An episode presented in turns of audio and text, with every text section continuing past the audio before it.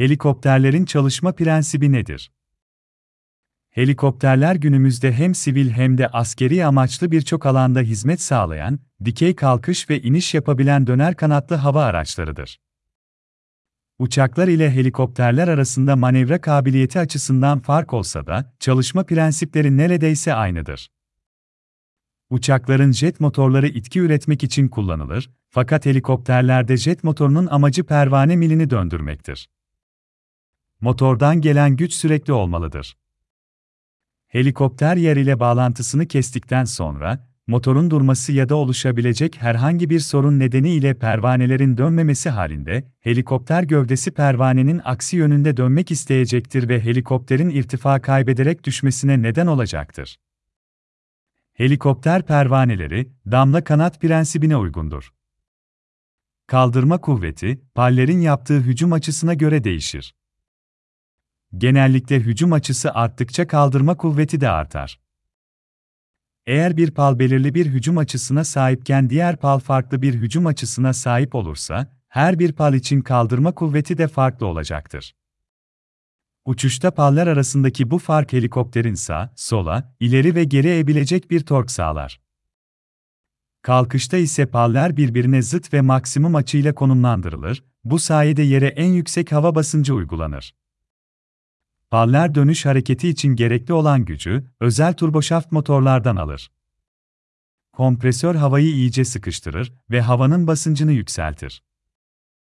Yakıt bu sıkışmış sıcak havanın içinde yanar. Sıcak egzoz gazı, yanma döngüsünden bir seri türbinden geçerek ayrılır ve onları döndürür. İki grup türbin vardır. Bir grup kompresörü döndürürken diğer grup pallere giden mili döndürür. Kaldırma kuvvetinin dağılımını sağlamak için gerekli pal hareketi şu şekildedir, belirli bir konumda hücum açısı aynı kalmalıdır. Bu hareketi sağlamak için eğik plaka kullanılmaktadır. Alt eğilebilen plaka dönmez, ancak eğilebilir ya da yukarı ve aşağı hareket edebilir. Üst eğilebilir plaka bir bilyeli yatak ile bağlıdır. Bu sayede üstteki plaka, alttaki parça ile beraber hareket ederken aynı zamanda alt eğilebilen parçadan bağımsız olarak kendi etrafında da dönebilir. Üst eğik plaka rotor şaftına sürücü ile bağlıdır ve bu sayede üst plaka her zaman pallerle beraber döner. Paller aynı zamanda kontrol çubukları ile bu parçaya bağlıdır. Bu yapı sayesinde paller belirli noktalarda aynı hücum açısına sahip olurlar.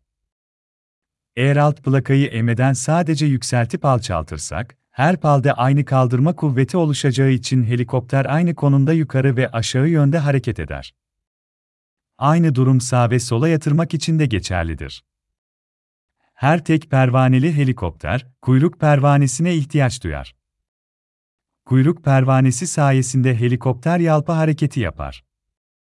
Kuyruk pervanesi olmayan helikopter gövdesi kendi ekseninde kontrolsüzce döner.